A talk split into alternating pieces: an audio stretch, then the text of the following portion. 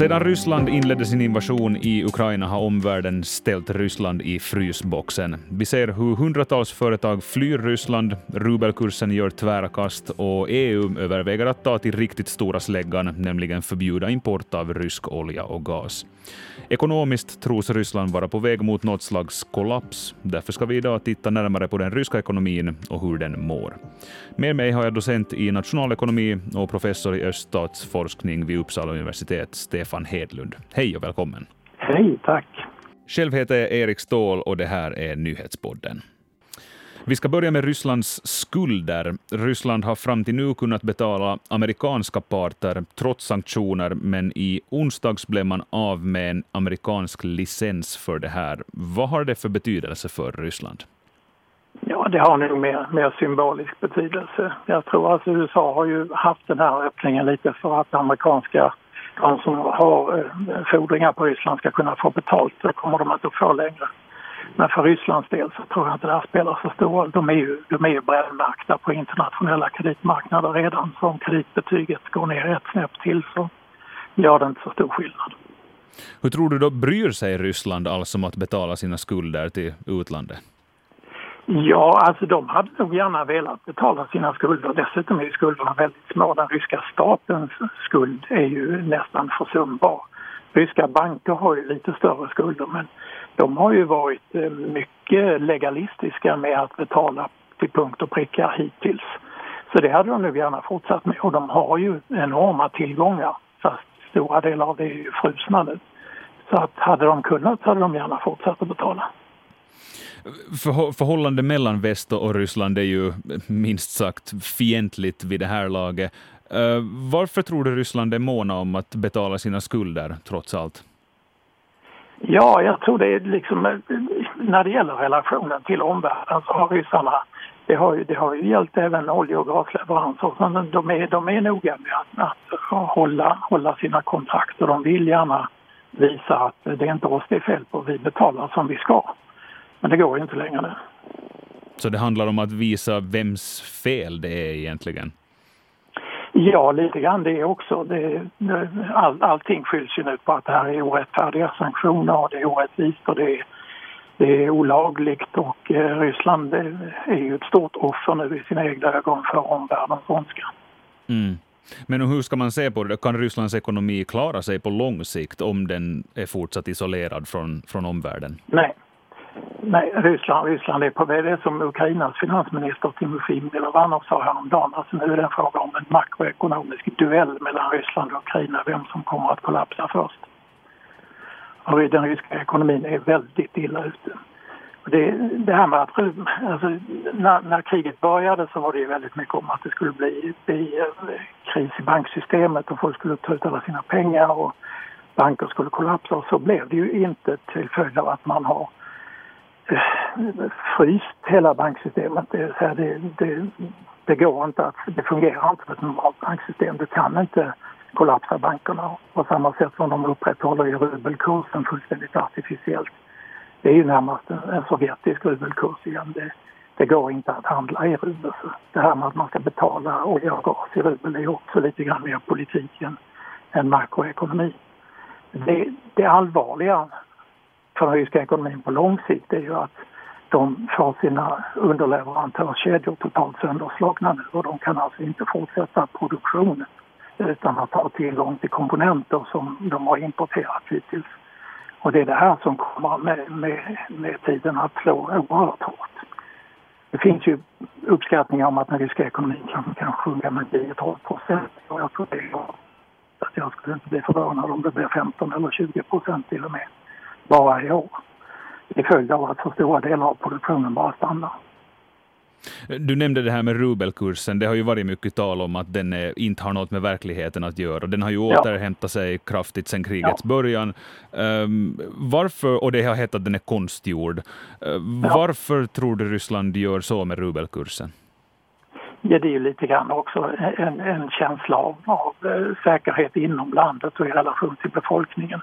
Alltså vi, vi minns ju katastrofen under den stora finanskrisen när rubeln packade ihop totalt. Det blev panik i Moskva. I och med att de upprätthåller nu en rubelkurs som är i stort sett i paritet med vad det var före kriget så skapar det ju en falsk känsla hos den ryska befolkningen av att det, allting är ganska bra. Och det kommer ju att ta ett tag innan, innan man verkligen märker av bristsituationer. hur ofta behöver du köpa nya kläder till exempel? Hur ofta behöver du köpa nya möbler? Så det, man kan ju hålla på ganska länge innan det verkligen börjar ta emot. Dessutom har ju Ryssland genom sina, sina motsanktioner mot livsmedelsimport från, från en del europeiska länder skapat en, en eh, ganska hög självförsörjningsgrad så de kommer inte att ha någon större brist på, på livsmedel heller. Det är en, en ganska eh, omfattande ökning av den inhemska produktionen av livsmedel under åren efter 2015. För på kort sikt så skapas det ju en, en skimär av att allting är, ganska, ganska under kontroll. Men det som inte syns det är ju de långsiktiga konsekvenserna av att, av att underleverantörskedjor slås sönder och att stora industriföretag inte kan producera. Men ett klassiskt exempel är ju alla dessa Boeing och Airbus-plan som man har konfiskerat från utländska företag som hyrde ut dem till Aeroflot. De har väl en 350 kanske flygplan och då har de redan ställt hälften kanske för att använda som reservdelslager. Och sen får de ställa 25 procent till som reserv. Slut kanske de har ett par, tre stycken som kan flyga. Och det är liksom en, en toppen av isberget på där du ser genom hela den ryska ekonomin att sektor efter sektor kommer att, kommer att stanna av till följd av att du inte får in det du behöver utomlands ifrån. Och det gäller i synnerhet olje och gasindustrin som kommer att drabbas väldigt hårt av det här. Så den här, det att, att utländska företag drar sig ur Ryssland, det spelar en väldigt stor roll? Ja, alltså vi ska inte, vi ska inte stirra oss blinda på det, på det statsfinansiella läget för det, det kan ju ryssarna manipulera eh, med, med olika, genom att förbjuda alla, alla företag som kommer över utländsk valuta tvingas ju att lösa in dem i rubel. På det viset kan du artificiellt hålla chimären upp av att det fungerar. Men det här med att du blir av med komponenter till tillverkningsindustrin det går ju inte att kom kompensera för. Och den här tron på att kineserna skulle börja vilja leverera komponenter till den ryska ekonomin, det har vi ju sett, det var inte värt mycket. Mm. Kina har ett intresse i världen och det är Kina. De är inte intresserade av att hjälpa Ryssland. Hur länge tror du Ryssland kan hålla uppe den här chimären då? Ja, det, det kommer alltså om, om EU tar sig samman och verkligen inför en bojkott mot först oljan och sen också mot gasen så kommer det att slå undan väldigt mycket av hårdvalutainkomsterna och då blir ju utrymmet för att manipulera rubelkursen mycket mindre. Så att det, då kommer det att slå igenom även i banksystemet men det, det är återigen inte riktigt, alltså det, det, är inte pengarna som sådant som lider brist av utan det är förmågan att upprätthålla industriproduktionen som är det stora problemet. Alltså, vi ser ju nu till exempel att i kriget i Ukraina börjar dyka upp rena museiföremål som stridsvagnar T62 och sånt för att de har inte kapacitet längre att underhålla de moderna stridsvagnarna. För båda fabrikerna som underhåller och tillverkar stridsvagnar står stilla sedan ett par veckor för de har inga komponenter. Och det här, alltså, det här slår mot deras allra viktigaste militärindustrier så slår det mot allting annat också. Det kommer att påverka biltillverkning, traktortillverkning och de kommer att behöva använda gamla sovjetiska komponenter och att eh, kompensera för brist på kvalitet utomlands ifrån genom att försöka tillverka egna komponenter. Och det, på det viset kan du ju hanka dig fram men det blir på en väldigt mycket lägre nivå och det blir mycket sämre grejer de kan tillverka själva.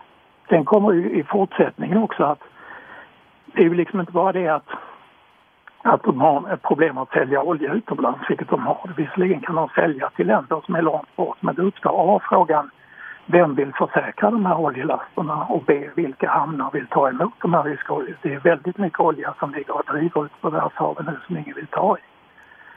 Och på, när det gäller gasimporten som också är viktig så om EU slutar köpa gas från Ryssland så blir de sittande med en väldig massa gasledningar som plötsligt inte går att använda till någonting. Nord Stream 1 och 2 kommer att stå där tomma tillsammans med, med en del av de andra ledningarna också. Och då har de massor av gas i västra Sibirien som inte går att pumpa till Kina för de har inga gasledningar. Och de har ju, har ju försökt bygga en stor LNG-terminal för, för eh, alltså flytande gas uppe, uppe i norra Sibirien men den har kineserna dragit sig ur nu för de vill inte ha med Ryssland att göra längre. För de fruktar amerikanska sanktioner. Så deras långsiktiga förmåga att, att, att exportera slås ju nu sönder och samman ganska raskt. Vi har ju brukat säga att det är liksom olja, gas och vapen. Och den ryska förmågan att exportera vapen är ju efter kriget i Ukraina i princip obefintlig. Det är väl ingen som vill köpa ryska vapen längre. Den ryska förmågan att exportera gas kommer att en dag EU slutar köpa den ryska gasen, den dagen kommer väl så kommer de inte att kunna exportera gas för de har inga rörledningar annat än en rörledning till Kina. Och förmågan att exportera olja kommer att vara mycket starkt begränsade, även om de sänker priset väldigt kraftigt, vilket de gör redan, så kommer det att vara begränsade av, av eh, försäkringstekniska och transporttekniska faktorer. Så Ryssland kommer att drabbas extremt hårt på, på exportsidan och det minskar ju även om sanktionerna skulle, skulle tillåta viss import av komponenter så kommer de inte att kunna betala för det på sikt. Så det, den långsiktiga, den långsiktiga prognosen för den ryska ekonomin är extremt mörk. Så om vi talar om något slags kollaps, eh, framförallt en, en, en sån som syns i det ryska samhället, eh, när tror du en sån egentligen kan, kan ske?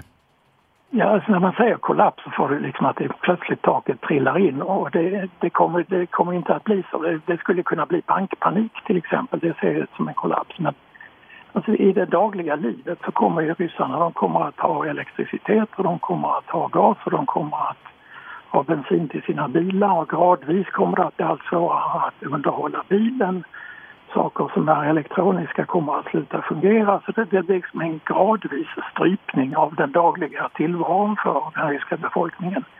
Men det där med att taket plötsligt ramlar in, det kommer vi inte att få se om det inte blir någon sorts bankkollaps. Och det, det har jag svårt att se på kort sikt. Men, men liksom gradvis så kommer tillvaron att bli sämre och sämre och det kommer att accelerera över tiden.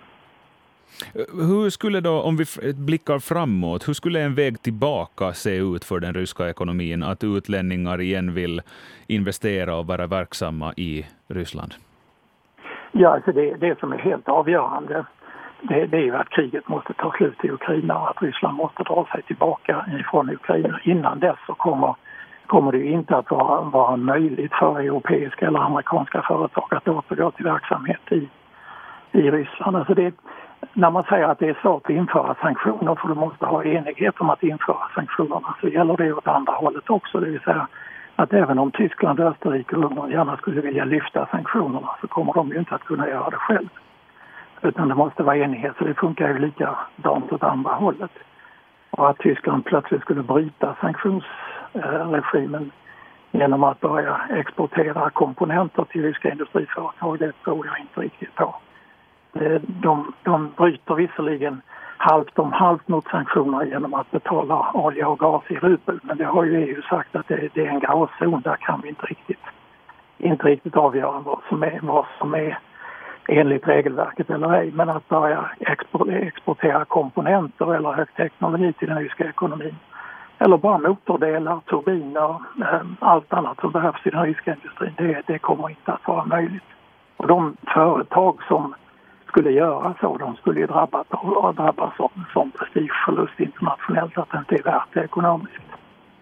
Tack för att du var med oss idag, professor i öststatsforskning Stefan Hedlund. Tack.